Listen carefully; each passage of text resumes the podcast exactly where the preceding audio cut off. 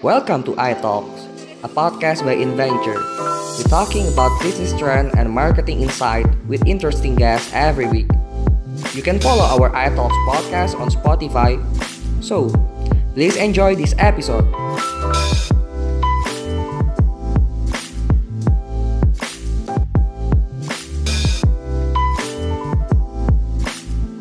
Kembali lagi di Intalk Inventure Talk edisi Jurnal Sepekan. Dalam Jurnal Sepekan, kita akan berfokus membahas hal-hal yang terjadi di sekitar kita. Realitas sosial yang dekat dan ramai diperbincangkan banyak orang, namun tentu saja akan diperbincangkan dan dianalisis melalui sudut pandang bisnis dan marketing. Setiap episode Jurnal Sepekan, kita akan membahas tiga tema yang kita anggap penting yang terjadi selama seminggu terakhir. Masih bersama saya, Bagus, dan tentu saja rekan saya, Mas Farid Fatahila. Halo. Selamat Lebaran, Mas Farid. Mohon maaf lahir dan batin. Iya, masih dalam suasana Idul Fitri ya kita ketika apa sedang tag podcast ini. Saya juga mengucapkan secara pribadi ya, minal aizin wal faizin ya, mohon maaf lahir dan batin. Ini adalah episode ke-6 ya untuk uh, jurnal sepekan di tahun 2022. Mas Farid, ini setelah lebaran ya, saya pikir banyak sekali saya mungkin bilangnya apa ya? crowded ya, bahkan very crowded, bustling ya di media sosial ya yang membahas tentang uh, banyak hal ya, kericuhan dan segala macam. Tapi saya sudah mengumpulkan uh, ada sekitar tiga tema ya yang kemudian saya pikir menarik ya. Pertama itu ada apa? Film KKN di Desa Penari. Yang Yeah. kedua itu ini menarik dan sangat lucu saya ada bumbu lucunya ya dan tapi mengundang ini ya curiosity rasa penasaran saya itu tentang uh, migacuan ya dan antriannya dan yang ketiga itu kemarin juga ada orang netizen ya ribut eh, terkait sepatu Dr. Martins gitu. Oh iya. Itu rame itu tiga. Oh itu sampai ini ya. Sampai tweet war antar orang tua. Iya bener. heeh. saya saya saya lihat itu anu ya pemandangan yang cukup aneh ya karena ternyata setelah saya selidiki ya ini yang terkait Dr. Martin itu itu ada orang tua nggak terima apa seorang netizen nge-tweet bahwa sepatu Dr. Ma- Martin itu nggak nyaman terus dia Iya. bilang dengan menutup dengan kalimat stop lying gitu kan ya berhenti berbohong gitu kan nah dibalaslah nih sama netizen lain yang bilang bahwa oh enggak dokter Martin bagus dan segala macem gitu ribut lah nah setelah saya selidiki ya ternyata ya keributan ini yang si pembalas tweet itu ternyata ya ibu-ibu gitu jadi ibu-ibu doxing anak umur 17 tahun masih remaja ya Iya. jadi ya media sosial tuh bener-bener menyimpan banyak apa ya saya melihatnya itu aduh sisi gelap ya kita ini Mas Farid apa akan beranjak ke yang pertama dulu nih ya kan.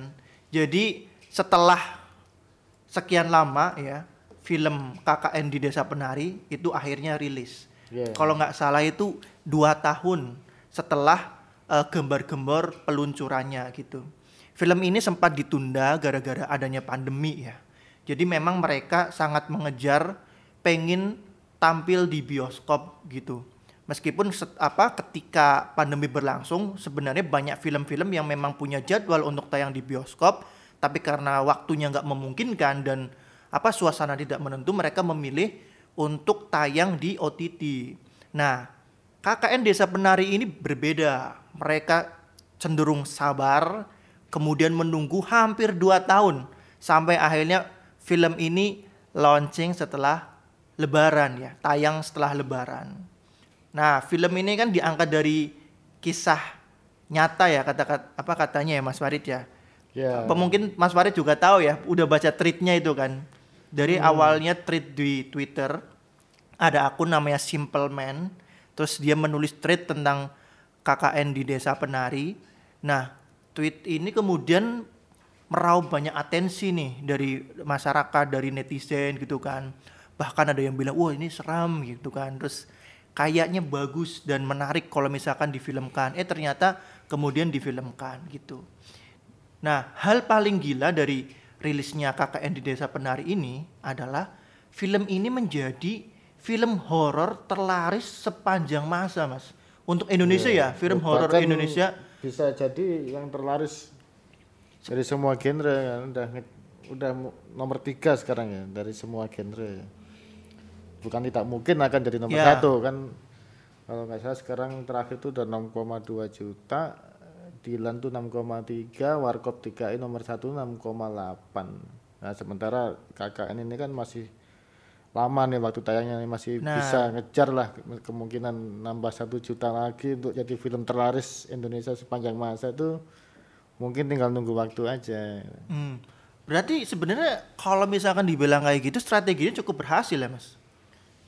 Strategi marketingnya ya, maksudku dengan Ya, mereka sabar menunda gitu. tentu saja yaitu apa kombinasi yang berbagai macam variabel ya jadi apa namanya termasuk timingnya termasuk dari sisi gimmicknya juga dari sisi ceritanya itu kan apa namanya memang banyak ya variabel-variabel nggak nggak nggak satu variabel aja mungkin karena ceritanya yang gini atau ya itu memang di Twitter pun jadi perdebatan juga itu ya. Hmm. Kenapa ini kok bisa laris banget ini apa? Ya masing-masing punya teori sendiri, tapi kan ya itu kita paling gampang ya ya itu kombinasi dari banyak hal gitu. Hmm. Karena memang sejak kemunculannya ini kan memang menarik ya dan sangat fenomenal dari zaman itu berapa tahun yang lalu ya sebelum pandemi itu viral-viralnya itu Kayaknya 2019 itu. sepanjang aku ngikutin Twitter ya dari tahun berapa itu 2009 2000 Wow, dari 2019 Mas Farid ngikutin Aku Twitter. Aku apa namanya aktif di Twitter tuh kayaknya baru tweet tentang desa penari itu yang bisa trending hampir dua minggu gitu. Hmm. bahkan lebih ya mungkin itu. Hampir dua minggu itu benar-benar yang trending ya yang setiap orang tiap hari ngebahas gitu kan. Terutama karena unsur misterinya. Misteri di sini itu apa ya kalau dibilang serem ya itu menurutku sih biasa aja itu kan. Bahkan di filmnya ya hanya jump scare jump scare aja. Nggak ada sosok yang benar-benar serem banget atau gimana ya itu versi kalau menurutku ya. Cuma yang menarik itu adalah misteri orang itu penasaran ini di mana sih sebenarnya. Oke. karena dulu kan si Simple Man itu kan ini kan apa namanya dia ngasih teka-teki kan. Oh di kota apa waktu itu? Ko- apa di desa Alas D kota apa ya B, kota B. ya kota B. Mereka berasal dari apa kota S melewati kota J. Itu kan langsung pada nebak-nebak kan. Harus ada yang awal-awal bilang wah aku tahu itu di sini itu kan. Di apa waktu menuju sebuah kota. Ya udah waktu itu bilang kalau Bondowoso gitu kan terus ada yang bilang itu akhirnya banyak mengerucut ke Banyuwangi gitu kan. Nah, waktu itu kan aku lagi sering ke Banyuwangi jadi juga wah jadi penasaran juga Iya. ini ya di situ. Tadi situ salah satu kehebatannya itu misteri teka-tekinya itu orang-orang semua itu pada penasaran sampai yang di YouTube itu banyak sekali tuh orang-orang itu dalam tanda kutip ekspedisi ya mencari jejak di mana sih? Desa penari ini sebenarnya ya banyak sih apa banyak teori banyak apa namanya dugaan oh di desa ini di desa ini pada pada ini kan pada nyari kan di YouTube itu sampai rame itu sampai berdebat sampai aku penasaran juga kan ngikutin mana nih yang paling mendekati kira-kira gitu kan dengan argumennya masing-masing dengan bahkan aku juga ngikutin itu di Facebook ada grupnya itu yang bahas khusus lokasi desa penari itu di mana? Dengan bermacam teori dan argumennya dia ya. Nggak nggak ada kesimpulan tunggal di mana gitu kan. Sampai bahkan masuk TV kan waktu itu si Trans 7 kalau nggak salah. Juga ini kan ekspedisi mencari di mana ya. Kira-kira yang tadi yang yang paling mendekati lah. Mungkin juga belum lokasi aslinya atau apa. Tapi ya itu pinternya si siapa namanya yang bikin itu Simple Man itu. Ya. Ya dia harus diakui seorang storyteller yang baik ya. Iya benar. yang bisa meramu cerita yang sedemikian rupa dari dua sudut pandang si Nur sama si Widya itu kan. Hmm. terlepas itu nyata asli atau fiksi ya dia sudah berhasil gitu kan membuat cerita itu sangat viral ya kan. dan itu menurutku fenomena baru itu yang, yang aku tahu ya. Sampai berminggu-minggu itu trending ya. Kalau nggak salah dua mingguan ya sampai trending terus oh, nggak lama mungkin ada berapa bulan langsung udah mau di eh waktu itu jadi buku dulu. Eh, mungkin ada sebulan atau berapa si cerita yang di Twitter itu jadi buku dulu tuh waktu itu. Harus baru akhirnya jadi film. Udah kalau nggak salah udah syuting tuh bahkan udah mau tayang sebelum pandemi waktu itu kan.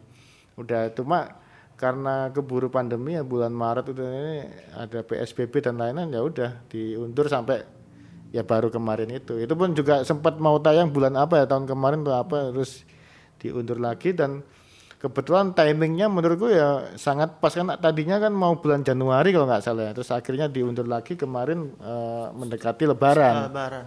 Nah itu timingnya benar-benar pas ya menurutku apa namanya ya pinter juga sih eh, melihat timing ya apa kalau nggak salah kemarin menjelang Lebaran orang-orang udah pada dapat THR gitu kan.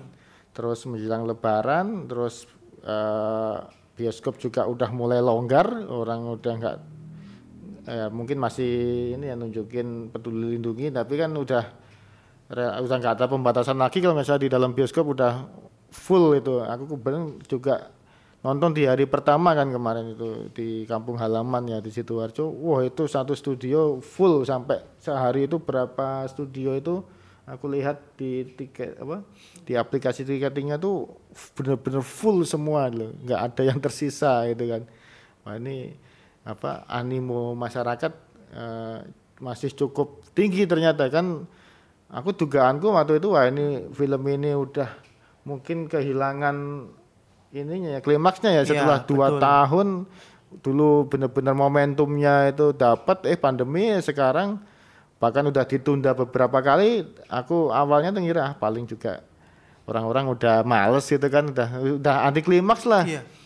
aku paling aku bahkan aku nge-tweet itu di sempat nge tak- aku tak sempat tak tweet tuh momen karena momentumnya udah agak hilang aku pikir kalau misalnya ini dulu tayang sebelum pandemi ya mungkin mungkin bisa lah dapat 4 jutaan gitu kan. Moderat lah. Itu pun asumsiku sebelum pandemi waktu lagi viral-viralnya. Eh ternyata justru setelah dua tahun te- setelah beberapa kali penundaan sekarang udah 6,2 juta ya kemarin ya. Mungkin minggu depan bisa jadi udah jadi nomor satu terlaris sepanjang masa itu kan. Iya, saya melihat ini Mas Farid bahwa apa asumsi bahwa masyarakat akan lupa kemudian kehilangan klimaks apa klimaks itu sebenarnya mereka jaga dengan mengulur-ngulur waktu itu. Ya, jadi jadi apa Tapi kayak itu kan memang ini ya memelihara ingatan masyarakat bahwa ini loh ada ada film ya kan tentang KKN gitu kan. Itu kan mereka bolak-balik kan harusnya mau tayang sekian terus undur lagi, mundur lagi. Ya. Mungkin masyarakat jenuh gitu kan. Ini kok nggak tayang-tayang gitu. Hmm. Kapan tayangnya? Meskipun dengan perasaan yang mungkin agak sebal ya kan agak apa kurang enak gitu kan. Tapi minimal memori masyarakat tentang karya itu tuh terjaga gitu kan. Ya. Dan apa ini pertaruhan besar karena mereka men, apa menahan loh apa sabar selama dua tahun dan tidak dimasukkan ke OTT Iya, karena Bang. beberapa film ya kan kemudian dimasukkan ke OTT ya kayak misalkan penyalin cahaya ataupun film-film dengan di apa dengan produksi tahun yang nyaris serupa gitu kan tapi eh, saya pikir kayak KKN Desa Padade by, marketingnya memang by design memang pengen mengejar crowd gitu loh Mas Farid. Kayak kalau ini nggak tayang di bioskop kayaknya nggak bisa gitu kan. Jadi kayak ada rekor yang harus mereka jaga dan dengan memelihara ingatan bahwa oh ini film ada terus yaudah undur terus saja undur terus saja undur terus saja minimal masyarakat termention oh ini ada film ini ya kan. Meskipun diundur diundur diundur diundur sampai kemudian apa masyarakat sudah PSBB dilonggarkan, kemudian lebaran pada balik semua for the first time ya, kita kan boleh mudik gitu kan. Nah, satu-satunya hiburan kan pasti mereka cari yang laser kan.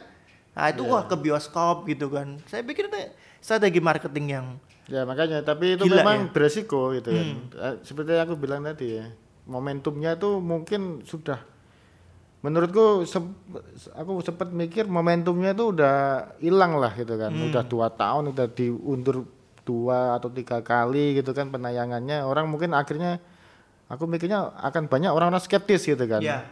yang ah gitu aja dan udah apa namanya udah orang yang saking nggak sabarnya udah akhirnya ya udahlah mau tayang kayak mau enggak kayak sih, terserah gitu kan. Tapi ternyata ya cukup banyak ininya yang justru menanti-nanti gitu kan. Ya memang tadi eh, agak beresiko tapi ya mereka terbukti ya apa mampu menjaga momentum itu kan Itu pertaruhan yang berhasil tadi. ya sangat berhasil gitu. Iya, apalagi kalau ini sampai Tembus jadi ini.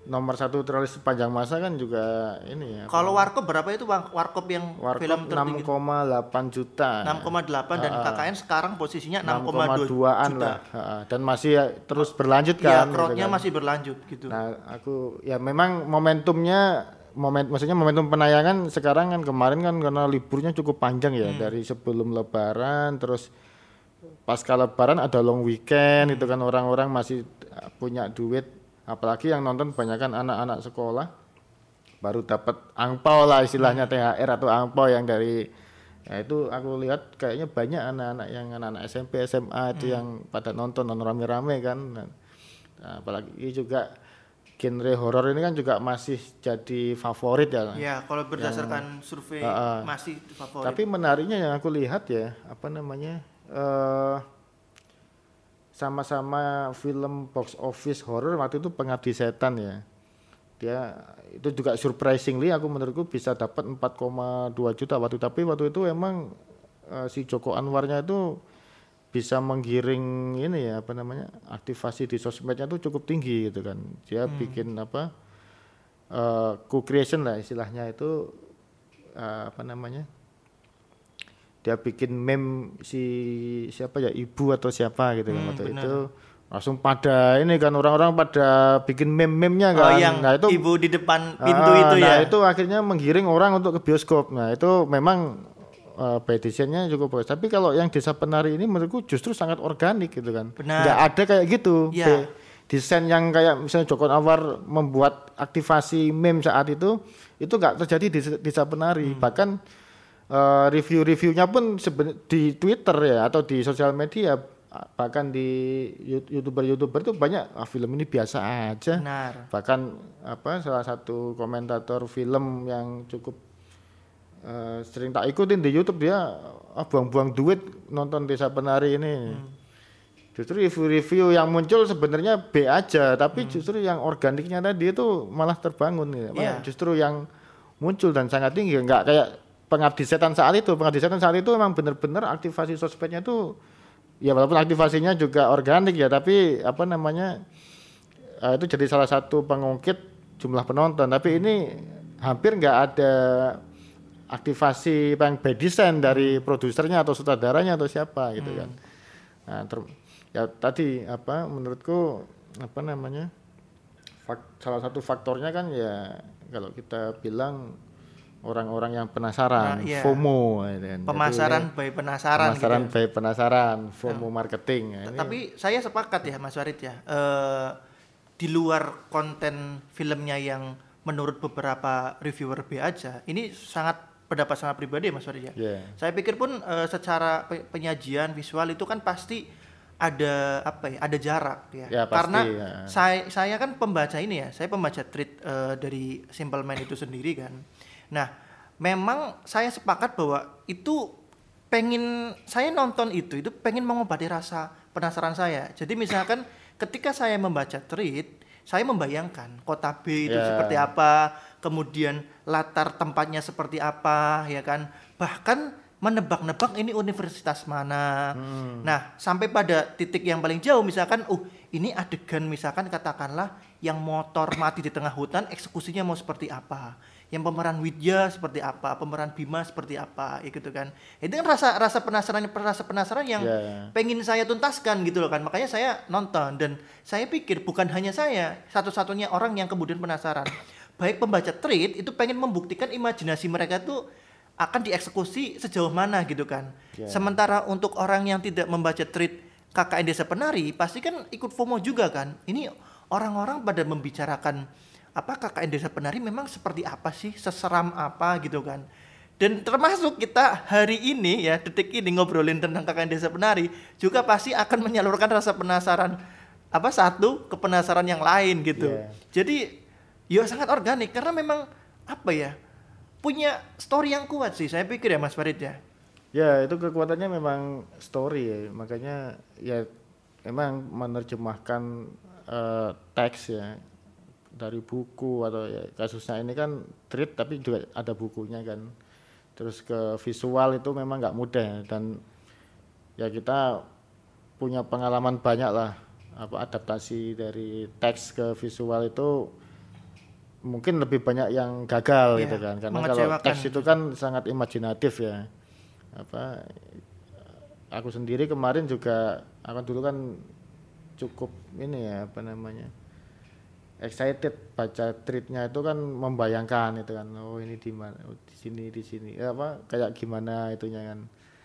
Terus aku lihat filmnya kemarin secara sinematografis Ya bagus. Bagus, cuma memang- bagus. Eh menurutku entah karena keterbatasan durasi atau apa memang Terkesan jadi agak meloncat-loncat ya? loncat-loncat jadi agak eh, gimana ya agak kurang apa itu filmnya Benar, gitu. benar. jadi kayak ya jatuhnya ya memang jadinya B aja Iya. tapi ya lebih karena penasarannya tadi sih karena beberapa clue yang muncul di situ kan semakin mengerucutkan kan oh Hmm. ini walaupun syutingnya jelas kelihatan di Kali Kuning Hmm. Jogja tapi kan mobilnya plat PO Banyuwangi Hmm. terus udengnya si Mbah itu oh, Buyut. udeng Banyuwangi emang menggiring langsung oh ini Banyuwangi walaupun penarinya tuh nggak khas Banyuwangi tapi sebenarnya ya kelihatan lah di situ gitu kan Hmm. jadi beberapa hal kan orang tertuntaskan penasaran Hmm. oh, ini kira-kira di sini Iya, berarti lebih ke apa ya? jadi itu, mengisi yang menggiring orang-orang terus iya. kan ya namanya juga eh, berasal dari hal yang viral kan orang Hmm. juga pasti ya akan banyak sekali ininya gitu. dan aktivasinya tuh organik sangat masif gitu loh Mas Farid ya. Ya terus Luar kalau dulu aku lihat kalau case pengabdi setan itu kan si Joko Anwar kan kayak meng, eh, kayak mendorong orang tuh nonton berkali-kali ya. Seingatku ya. Kalau ini kan kayaknya orang lebih baik sekali nonton tapi lebih banyak gitu ya. Jadi Benar. kalau tak lihat gitu ya. Kalau seluruh soalnya apa namanya pengabdi setan tuh kayaknya memang harus kayaknya harus diulang lah nonton biar lebih ini lagi gitu kan. Ya, ya, ya.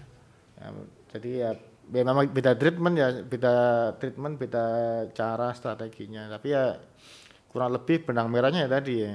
Iya, pemas- pemasaran Ah, by pemasaran penasaran. itu, by penasaran atau FOMO itu.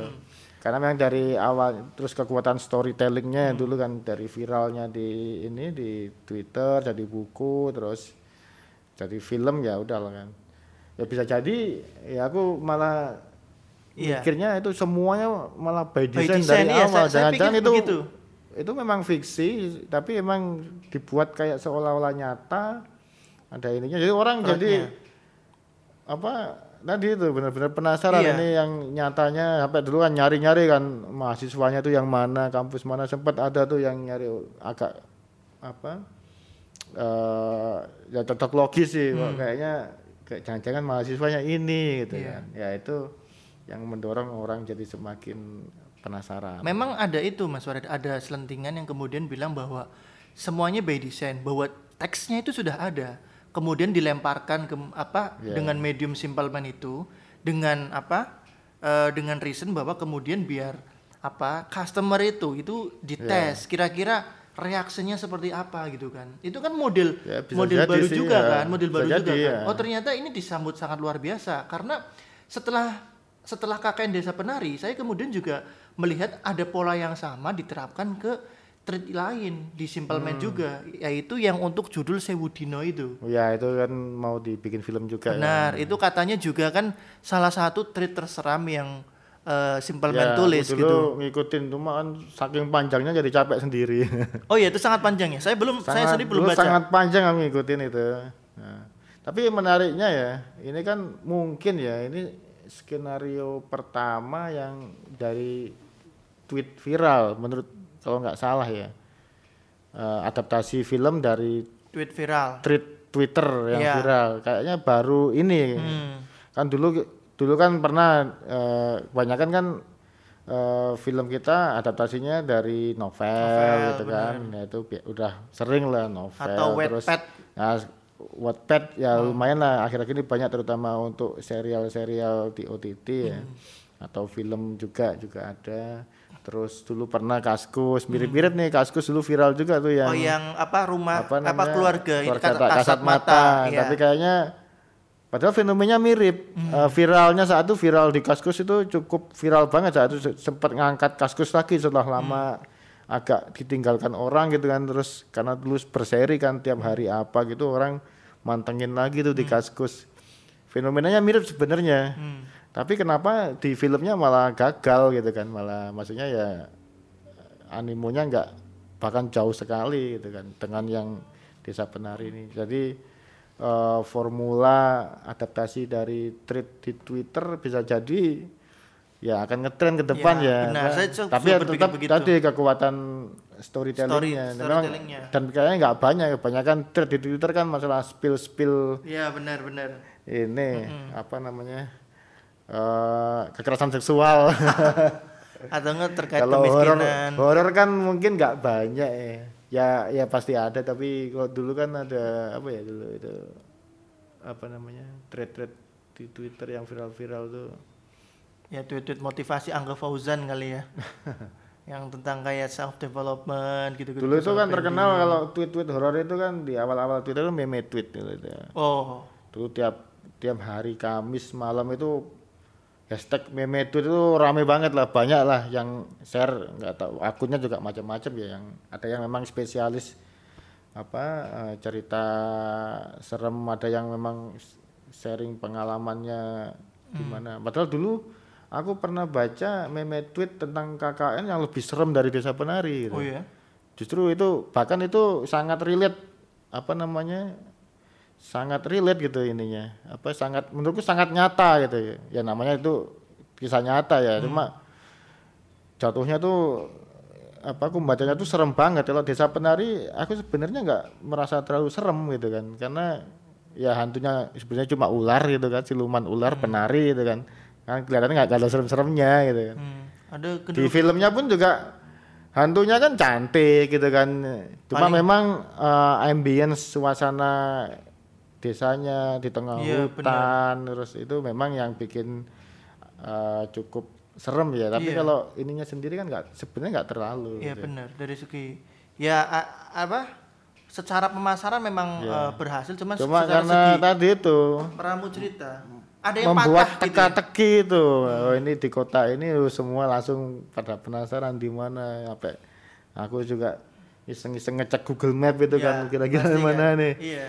nah itu Kita juga apa akan apa ya mungkin bohong besar ya kalau Jadi- kita nggak terbawa terbawa vibes ini ya Mas Warid ya. Saya pikir ketika memang tweet ini keluar ya kan pasti semua orang membicarakannya dan semua orang kayak punya curiosity, punya rasa Ya. penasaran. Cuman memang perbedaannya mungkin ada yang diekspresifkan ada yang enggak. Jadi memang sebenarnya sangkin kuatnya itu juga apa merasuk berbagai macam ini ke kalangan gitu loh. dan sebagai produk kreatif menurutku ini eh, sangat kuat ini IP-nya ya Hmm. intellectual property-nya jadi apa namanya hakinya lah ini menurutku sebagai IP itu bisa dikembangkan gitu kan Kayak Nggak cuma- universe gitu nanti. ya nggak cuma selesai di film ini misalnya misalkan gampangannya lah nanti dibikin prequel atau sequelnya Hmm. misalkan kemarin sosok Badarwuhi itu kan sebenarnya kurang terjelaskan ya. Hmm. di film yang yang kemarin kan siapa Iya. tahu itu dikembangkan lagi di spin off Badarwuhi sendiri gitu kan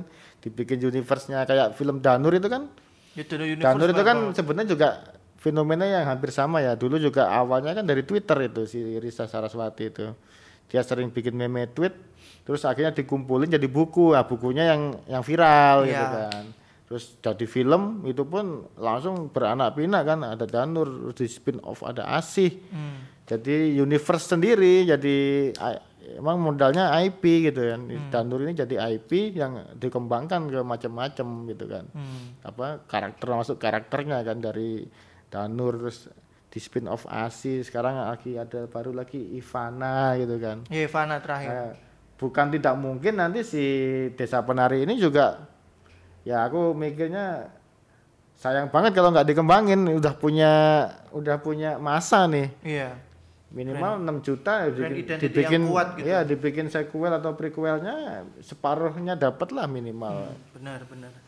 Itu. Apa, kalau misalnya MD pasti udah mikir ke sana lah aku yakin Iya, itu kan ini kan pengalaman kayak Danur itu kan toh punya penggemarnya sendiri gitu kan Hmm. Jadi termasuk nanti pengabdi setan mungkin sama pengabdi setan kan mau bikin sequelnya nih Hmm. bisa jadi nanti akan di kedua ya. spin off lagi tuh tokohnya yang mana misalnya yang menarik Ya, Nah, ini ini juga bisa menggambarkan kayak kebangkitan Iya. film-film Indonesia juga ya. makanya kekuatan IP ini penting gitu kan apa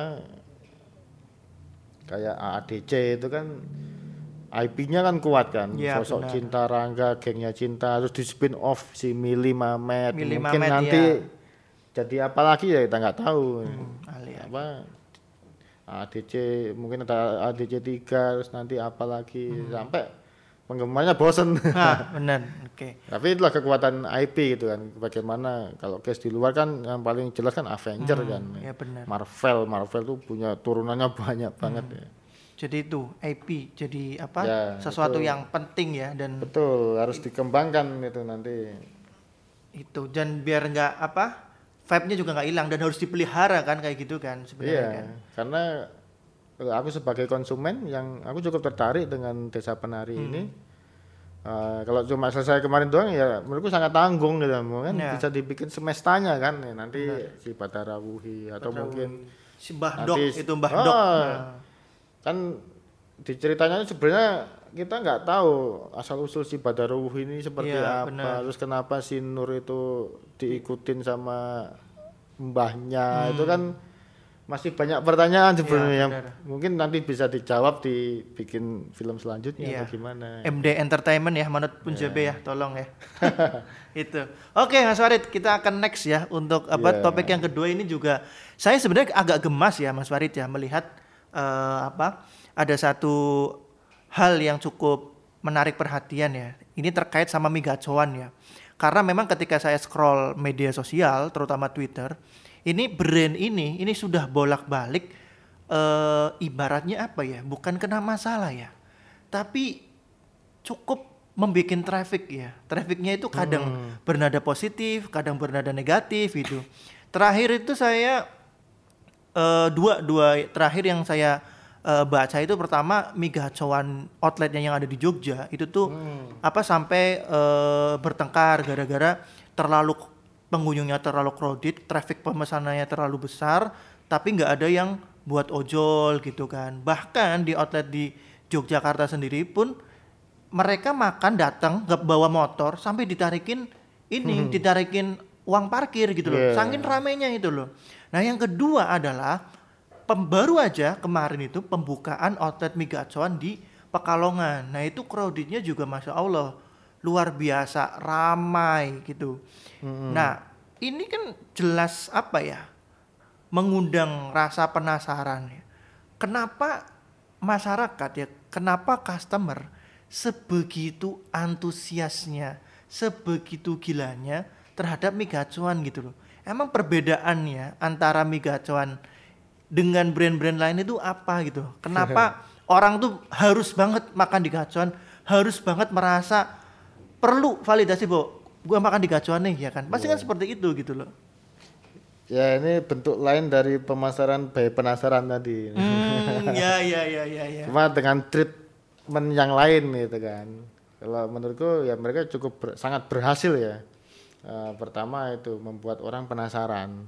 Karena ya buktinya kita menanyakan kan apa sih yang membuat orang apa eh, Iya benar benar benar. sampai segitu ngantrinya itu Iya, terus dia iya. kan penasaran pasti juga pengen nyoba gitu kan. Iya. seperti apa sih gitu kan. Aku aku sendiri kan juga gitu. Aku pertama ngerti dulu itu waktu di Jogja sih kebetulan ya. Aku sempat pernah denger Yang di kacauan cuma Kota pas ngelihat lihat sendiri ya yang di Jogja di kota baru itu uh ramai banget gitu kan. Terus eh sempat di mana ya waktu itu?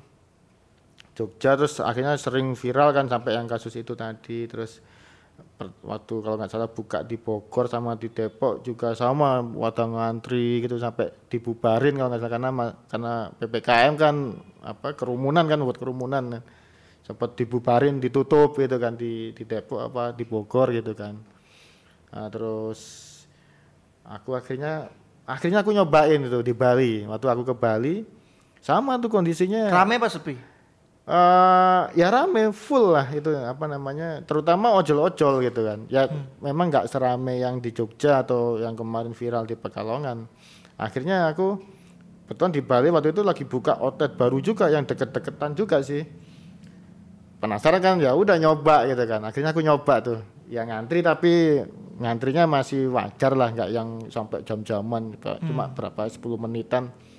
Langsung ah, memang dia menawarkan value yang more for less banget ya. Kalau kita ngomong value itu kan apa yang kita dapat terus berapa yang kita bayar gitu kan. Ya, ap- apa eh, apa yang konsumen dapat dengan yang konsumen bayar itu sangat apa more for less banget more jadi customer tuh dapatnya more bayarnya less gitu kan bayarnya murah terjangkau dan menu-menunya tuh rata-rata berapa ya Berarti mereka bermain di secara harga memang kualitas apa bukan kualitas, secara harga lebih ekonomis gitu. Iya, s- eh, ya menurutku sangat murah ya. Kalau kata Indra Kents itu kan murah banget. ya untuk tapi customer dapatnya ini apa namanya more gitu kan. Itu tempatnya bagus gitu kan, kekinian ada ya cuma karena ngantrinya aja jadi mungkin bagi sebagian orang akhirnya nggak nyaman gitu. tapi uh, apa dapat kekiniannya dapat kalau rasa ya so-so lah mungkin apa ya mungkin Ya bisa diperdebatkan lah. ya diperdebatkan selera ya ya menurutku kalau rasa sih ya untuk harga segitu ya udah oke gitu kan. Untuk harga mie yang cuma sebelas ribu atau dua sepuluh ribu gitu kan. Oke. mie-nya terus ada apa itu yang apa somai, terus apa itu yang ya cukup murah. Eh, Dimsum. ya dimsum terus apa itu yang eh gorengannya apa gitu ya. Itu Ya bakwan ada bakwan. ya itu memang sangat untuk harga segitu ya dengan ini ya memang sangat murah gitu kan jadi ya wajar orang-orang akan apa beramai-ramai kayak gitu dan yang menarik kedua adalah dia itu men- kalau menurutku menerapkan strateginya tuh flankingnya Flanking itu apa? jadi dia tuh menggarap terutama kota-kota second and third cities. Oke. Jadi ya Jogja, Jogja kan dibilang kota besar kan enggak juga. Ya second cities lah gitu kan. Ibu kota tapi ibu kota ka- provinsi non Jabotabek lah. Jogja terus Bandung. Kalau nggak salah awalnya kan Bandung ya. Bandung ya. Terus yang ya kayak kemarin Pekalongan. Bahkan aku pulang kampung di sidoarjo tuh ada sidoarjo. Kemarin aku apa pulang kampung mudik itu keliling beberapa kota sidoarjo Kediri Telungagung itu ada mega cuantan sama ramenya. Jadi mereka pinter kayaknya menggarap kota-kota yang seperti itu kan bisa jadi itu jadi kok jadi tempat paling gaul di kotanya gitu kan. Iya, benar. Nah, mungkin kalau kita ngomong kota besar kayak Jakarta, Surabaya, yang kota-kota besar lah, yang ibu kota ibu kota provinsi utama ya Jakarta, Bandung, Surabaya, Semarang atau Medan itu kan ya kita ngomongnya tempat gaul kekinian kan mungkin Starbucks, apa namanya KFC, McD lah gitu Iya. kan. Bagi beberapa kota Tapi itu kalau jadi anak-anak- monumen gitu ya. eh, anak-anak kabupaten kekinian. mungkin apalagi saya kan apalagi tercitis ya mungkin KFC aja boro-boro ada gitu Iya, kan. Tapi jadi menurutku ketika Mika Cuan mengambil segmen masuk ke kota-kota itu dia pengen jadi yang paling kekinian di kota Oke. itu itu salah satu strategi, yang menarik juga karena di Jakarta aja kalau nggak salah belum ada gitu kan Iya. paling di Depok Bogor gitu kan Ya, itu, itu yang mm. satelit lah bukan yang kota besarnya gitu kan Iya. ya Bandung mungkin karena awalnya dari kalau nggak salah dari Bandung ya ada tapi dia di kota-kota kabupaten tadi di di Bali di apa Denpasar di Kuta ya tapi kan itu bukan kota utama kota di Indonesia gitu Iya, ini semakin memperkuat apa strateginya jadi ya. kayak mengepung dari desa Iya. kira-kira gitu jadi bagus, bagus, bagus. dia bermainnya dari pinggiran dulu gitu kan nah itu salah satu strategi yang menarik juga Iya, gitu Mangama benar, juga benar. bisa ini kan apa namanya yang jadi kalau kita rangkum mungkin kan tadi ya Ya pilots get more lah ya. pemasaran by penasaran terus more for less More for less. sama flanking tadi Oh, gitu kan jadi benar. Daripada dia buka di kota yang besar head to head sama KFC atau sama McD atau sama apalagi Pak kalau MKM gitu. ya. ah Pak BGM misalnya dia mending ke kota-kota yang agak kecil tapi dia jadi yang paling Iya. yang paling ini ya yang paling Yang jadi inilah jadi, gaul di situ iya, gitu jadi market kan. leader mungkin ya. ah yang Jadi paling gaul leader. di situ Oke, itu. Nah, jadi apa marketing by pena, apa penasaran terus more for less dan yang terakhir itu flanking ya. ya strategi flanking mengepung dari desa lah dari third city. Nah yang terakhir ini juga Mas Farid, saya ingin bahas ini karena kebetulan saya kemarin baru baca yang customer evangelist gitu loh. ya Nah setelah saya lihat Doc Martin ini kasus Dr. Martin ini kan bahwa keberhasilan suatu produk itu bukan saja eh, apa ya pada satu titik kit- apa produk kita diadvokasi orang lain gitu kan. Iya. Tapi di di apa ketika pada tahap apa customer evangelist itu sebuah brand nggak usah ngapa-ngapain itu udah dibelain mati-matian gitu loh. Belain mati-matian sama customernya gitu. Nah, saya lihat ini kan kasus yang kemarin viral di Twitter itu kan yang anak nge- nge-tweet bahwa sepatu Dr. Martin itu nggak nyaman, kemudian langsung dibalas tuh sama netizen dengan usia parubaya bahwa enggak seperti itu. Nah ini saya kayak mengidentifikasi bahwa in- ibu ini ya customer evangelist gitu. Bahwa mereka apa sih ibu ini rela apa ya membela Allah mati-matian gitu kan. Padahal ya Iya. nggak dibayar apa pun sama sama Dr. Martin gitu dan saya pikir kasusnya banyak gitu ya Mas Farid ya. Ya banyak ini kebetulan aja brandnya ya ya dokter kan juga cukup ini ya cukup legend ya di sebagian orang gitu kan. Jadi ya kayak Apple lah. Apple kan dulu yang paling terkenal kan Apple fanboy itu kan. Disenggol dikit udah kayak yang Ya, panas kepanasan ya. Tokmat benar. kebetulan juga punya evangelis seperti itu gitu kan. Masalahnya kan kalau apa namanya eh, penggunaan produk itu kan pengalaman yang personal ya.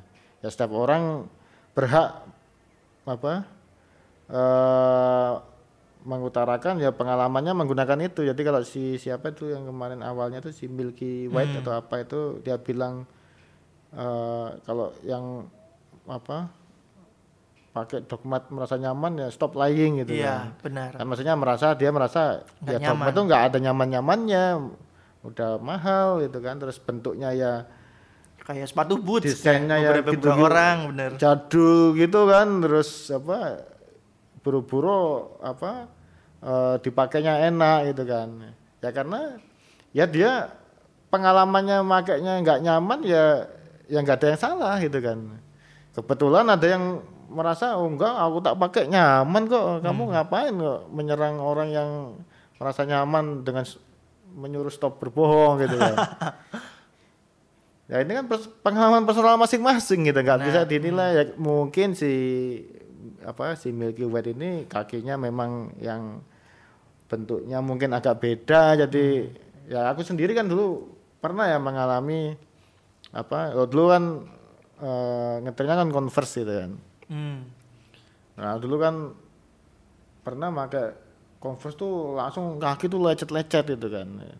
Ya mungkin ben- karena Converse itu kan punya kekhasan kalau nggak salah itu dia agak menyempit di Di bagian je- ibu jari-jari, depan ya. jari-jari, ya. Padahal mungkin kakiku agak melebar jadi apa namanya agak nggak cocok gitu kan. Hmm. Jadi aku juga wah tuh padahal suka banget sama desainnya. Jadi Nah. udah aku sebenarnya udah fanatik sama Converse yang itu Hmm. yang Jack Purcell itu ya, yang seri yang Jack Purcell itu menurutku yang paling yang paling oke yang paling cocok buat aku. Tapi pengalaman punya dua kali itu selalu sakit. Padahal nomornya aku kan nomor ya nomor 42 ya itu Hmm.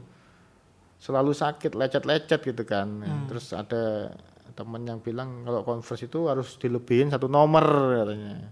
Oh gitu ya. Nah akhirnya aku nyoba beli nomor yang lebih gede satu nomor.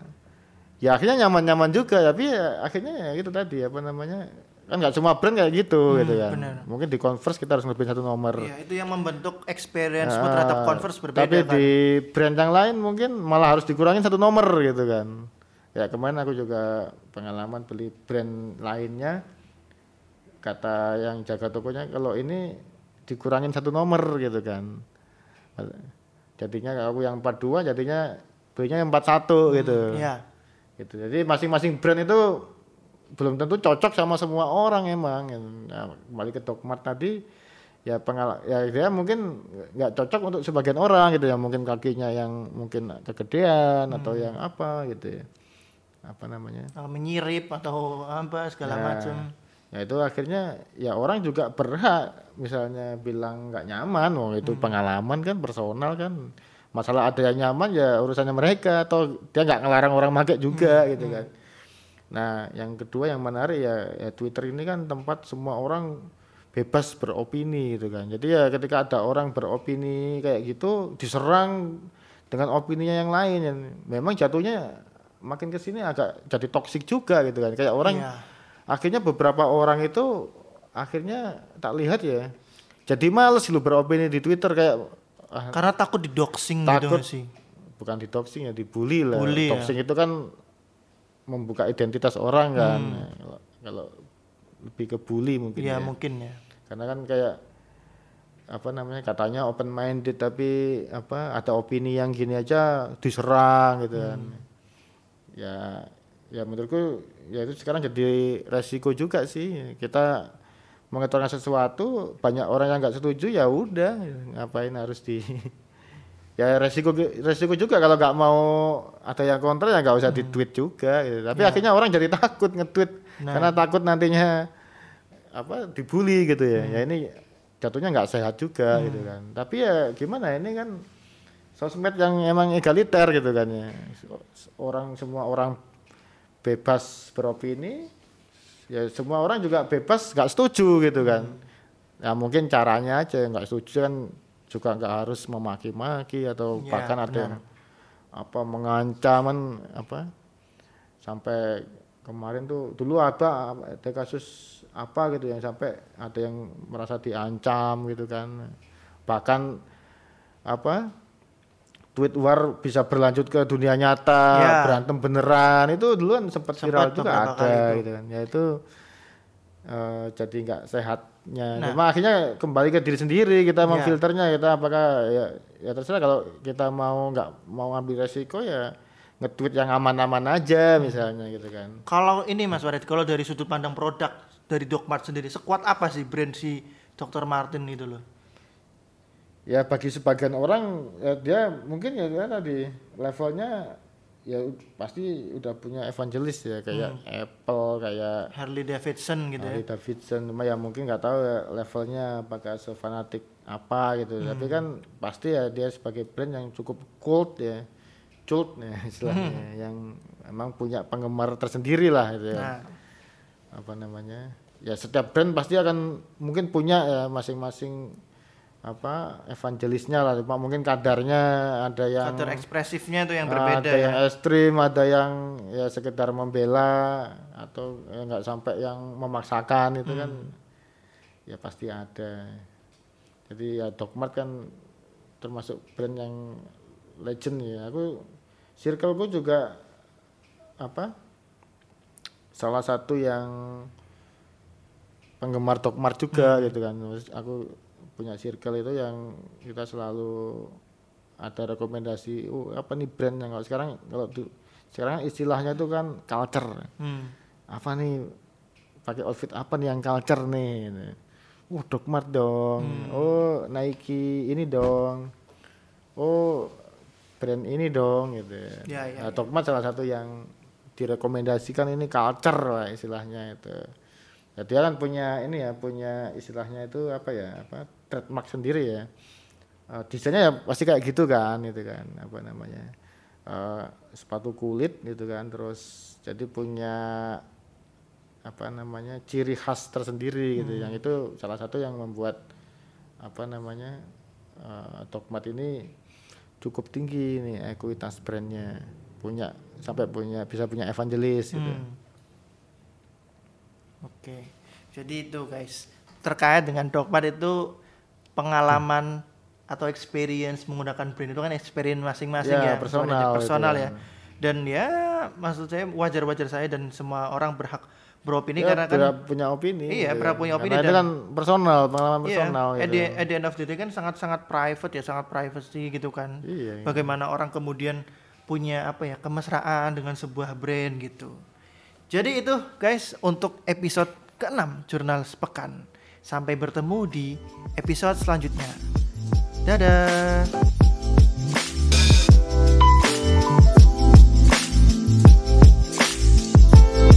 Oh.